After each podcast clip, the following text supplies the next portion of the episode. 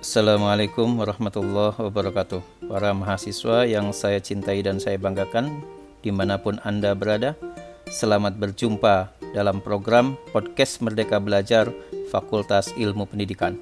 Walau dalam kondisi darurat bencana COVID-19 Semoga kita semua tetap dalam keadaan sehat walafiat Sehingga kita bisa mengikuti kegiatan pembelajaran ini dengan baik Perkenalkan, saya Sururi dosen Departemen Administrasi Pendidikan, Fakultas Ilmu Pendidikan, Universitas Pendidikan Indonesia.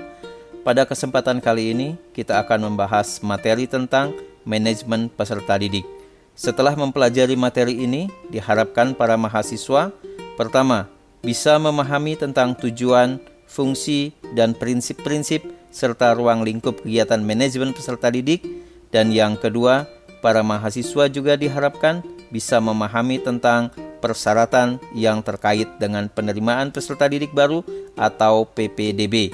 Serta yang ketiga, para mahasiswa diharapkan bisa menganalisis masalah-masalah yang terjadi pada saat kegiatan orientasi siswa baru. Para mahasiswa di mana pun Anda berada, selamat menyimak dan selamat mendengarkan. Komunitas, komunitas, podcast, podcast, Deka, Deka belajar, belajar, Vipupi hebat. Para mahasiswa yang saya cintai dan saya banggakan, di mana pun Anda berada. Untuk memahami materi manajemen peserta didik, mari kita mulai dengan pertanyaan berikut. Apa sih yang dimaksud dengan manajemen peserta didik itu? Untuk menjawab pertanyaan tersebut, dengarkan penjelasan berikut. Manajemen peserta didik atau dalam bahasa Inggrisnya dikenal dengan sebutan People Personnel Administration adalah layanan yang memusatkan perhatian pada pengaturan, pengawasan, dan layanan siswa di kelas dan di luar kelas, seperti pengenalan, pendaftaran, serta layanan individual yang terkait dengan pengembangan keseluruhan kemampuan, minat, kebutuhan sampai ia matang di sekolah. Manajemen peserta didik juga dapat diartikan sebagai usaha pengaturan terhadap peserta didik mulai dari peserta didik tersebut masuk sekolah sampai dengan mereka lulus sekolah. Dengan demikian, manajemen peserta didik itu bukan hanya bentuk kegiatan-kegiatan pencatatan peserta didik saja, melainkan meliputi aspek yang lebih luas yang secara operasional dapat dipergunakan untuk membantu kelancaran upaya pertumbuhan dan perkembangan peserta didik melalui proses pendidikan. Adanya manajemen peserta didik di sekolah merupakan upaya untuk memberikan layanan yang sebaik mungkin kepada peserta didik semenjak dari proses penerimaan sampai saat peserta didik meninggalkan sekolah karena sudah tamat atau sudah lulus mengikuti pendidikan pada sekolah itu. Para mahasiswa di mana pun Anda berada, jadi Tujuan manajemen peserta didik ini adalah untuk mengatur kegiatan-kegiatan peserta didik agar kegiatan-kegiatan tersebut menunjang proses belajar mengajar di sekolah. Dampaknya lebih lanjut, proses belajar mengajar di sekolah dapat berjalan lancar, tertib, dan teratur, sehingga dapat memberikan kontribusi bagi pencapaian tujuan sekolah dan tujuan pendidikan secara keseluruhan. Nah, sudah paham kan apa itu manajemen peserta didik? Para mahasiswa di mana pun Anda berada, berdasarkan penjelasan tadi, ada pertanyaan berikutnya. Agar tujuan manajemen peserta didik itu tercapai, apa prinsip-prinsip yang perlu diperhatikan dalam mengelola peserta didik? Untuk menjawab pertanyaan tersebut, ada beberapa prinsip yang perlu diperhatikan dalam melaksanakan manajemen peserta didik. Prinsip yang pertama adalah manajemen peserta didik harus mengacu pada peraturan yang berlaku pada saat program dilaksanakan. Prinsip yang kedua yaitu manajemen peserta didik dipandang sebagai bagian keseluruhan manajemen sekolah. Oleh karena itu, ia harus mempunyai tujuan yang sama dan atau mendukung terhadap tujuan manajemen sekolah secara keseluruhan. Prinsip yang ketiga adalah segala bentuk kegiatan manajemen peserta didik haruslah mengemban misi pendidikan dan dalam rangka mendidik peserta didik. Prinsip yang keempat yaitu kegiatan-kegiatan manajemen peserta didik haruslah diupayakan untuk mempersatukan peserta didik yang mempunyai keragaman latar belakang dan punya banyak perbedaan. Perbedaan-perbedaan yang ada pada peserta didik tidak diarahkan bagi munculnya konflik di antara mereka, melainkan justru untuk mempersatukan, saling memahami, dan saling menghargai, sehingga setiap peserta didik memiliki wahana untuk berkembang secara optimal. Prinsip yang kelima yaitu kegiatan manajemen peserta didik haruslah dipandang sebagai upaya pengaturan terhadap pembimbingan peserta didik. Prinsip yang keenam adalah kegiatan manajemen peserta didik haruslah mendorong dan memacu kemandirian peserta didik. Prinsip kemandirian akan bermanfaat tidak hanya ketika di sekolah, melainkan juga ketika sudah terjun ke masyarakat. Dan prinsip yang terakhir atau yang ketujuh adalah kegiatan manajemen peserta didik haruslah fungsional bagi kehidupan peserta didik, baik di sekolah lebih-lebih di masa depan. Itulah tujuh prinsip yang perlu diperhatikan dalam mengelola peserta didik.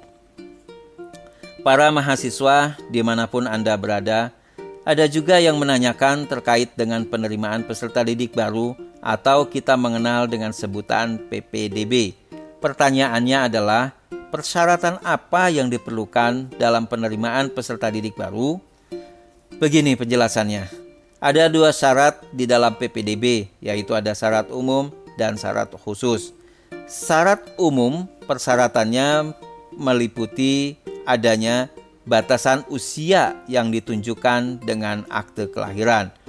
Untuk TK maksimal usia 6 tahun, untuk SD maksimal 12 tahun, untuk SLTP maksimal 15 tahun, dan untuk SLTA maksimal 18 tahun. Syarat umum lainnya seperti surat kelakuan baik, salinan nilai rapot, atau STTB dari sekolah sebelumnya, serta melampirkan pas foto. Persyaratan khusus biasanya disesuaikan dengan jalur masuk sekolah tersebut dan disesuaikan dengan ciri khas dari sekolahnya itu sendiri. Misalnya, untuk masuk sekolah lewat jalur prestasi, maka dipersyaratkan calon siswanya punya prestasi di bidang seni atau prestasi di bidang olahraga dengan dengan dibuktikan menjadi juara di tingkat kabupaten, nasional, atau internasional. Itulah beberapa persyaratan yang umumnya diperlukan dalam penerimaan peserta didik baru. Para mahasiswa di mana pun Anda berada, selanjutnya ada mahasiswa yang bertanya terkait dengan masalah orientasi siswa baru. Begini pertanyaannya, apakah tujuan dari orientasi siswa baru itu?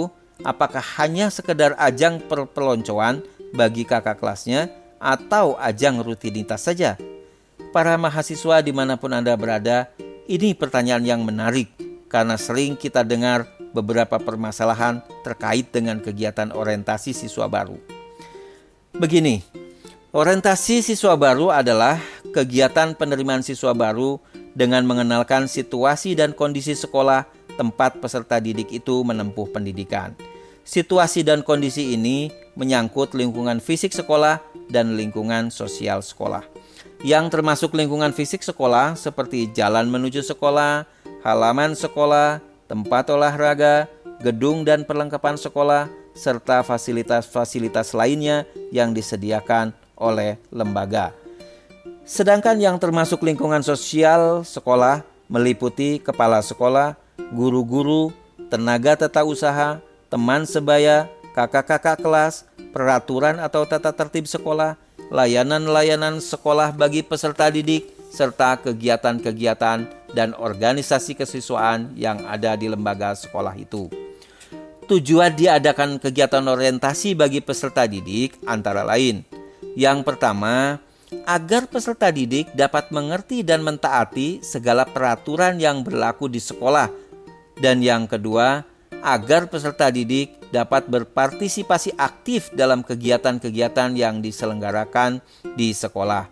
Dan tujuan yang ketiga adalah agar peserta didik siap menghadapi lingkungannya yang baru, baik secara fisik, mental, dan emosional. Sehingga ia merasa betah dalam mengikuti proses pembelajaran di sekolah serta dapat menyesuaikan dengan kehidupan di sekolah. Ada beberapa istilah yang digunakan untuk memberikan nama kegiatan orientasi siswa baru ini. Ada yang menamakan kegiatan dengan MOS atau masa orientasi siswa baru, ada juga yang menyebutnya MOPD atau masa orientasi peserta didik, atau ada yang menyebutnya POS, pekan orientasi siswa bahkan mungkin ada nama-nama lainnya. Para mahasiswa di mana pun Anda berada, dari penjelasan tersebut tentu Anda bisa memahami esensi dari masa orientasi siswa baru itu. Selanjutnya, pertanyaan terakhir dari mahasiswa terkait dengan dasar-dasar pembagian kelas atau pengelompokan peserta didik.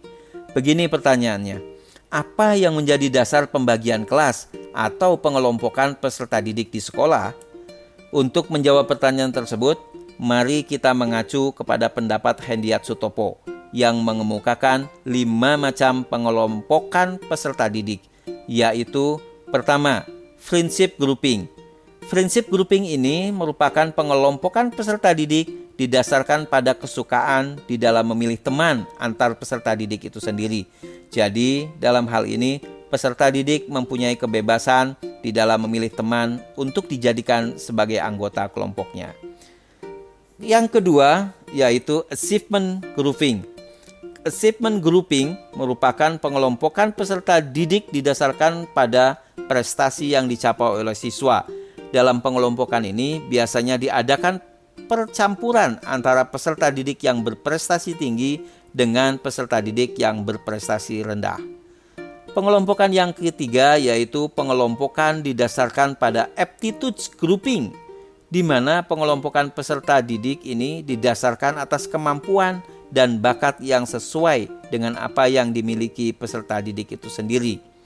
Pengelompokan yang keempat yaitu attention or interest grouping, yaitu pengelompokan peserta didik didasarkan atas perhatian atau minat yang didasari kesenangan peserta didik itu sendiri.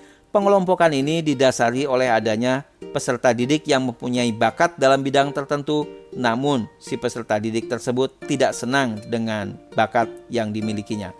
Dan pengelompokan yang kelima disebut intelligency grouping, di mana pengelompokan peserta didik yang didasarkan atas hasil tes inteligensi yang diberikan kepada peserta didik itu sendiri.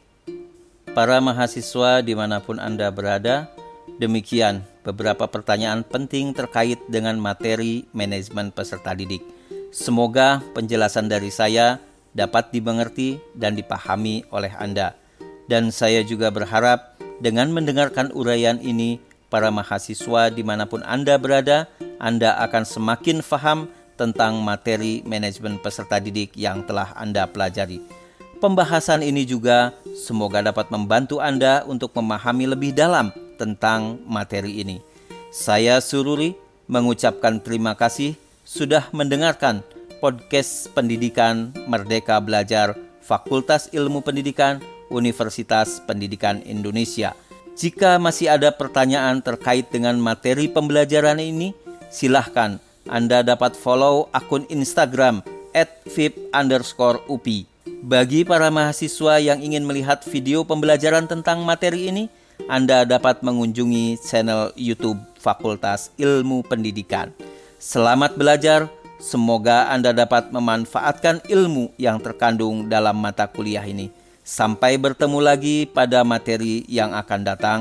Wassalamualaikum warahmatullahi wabarakatuh.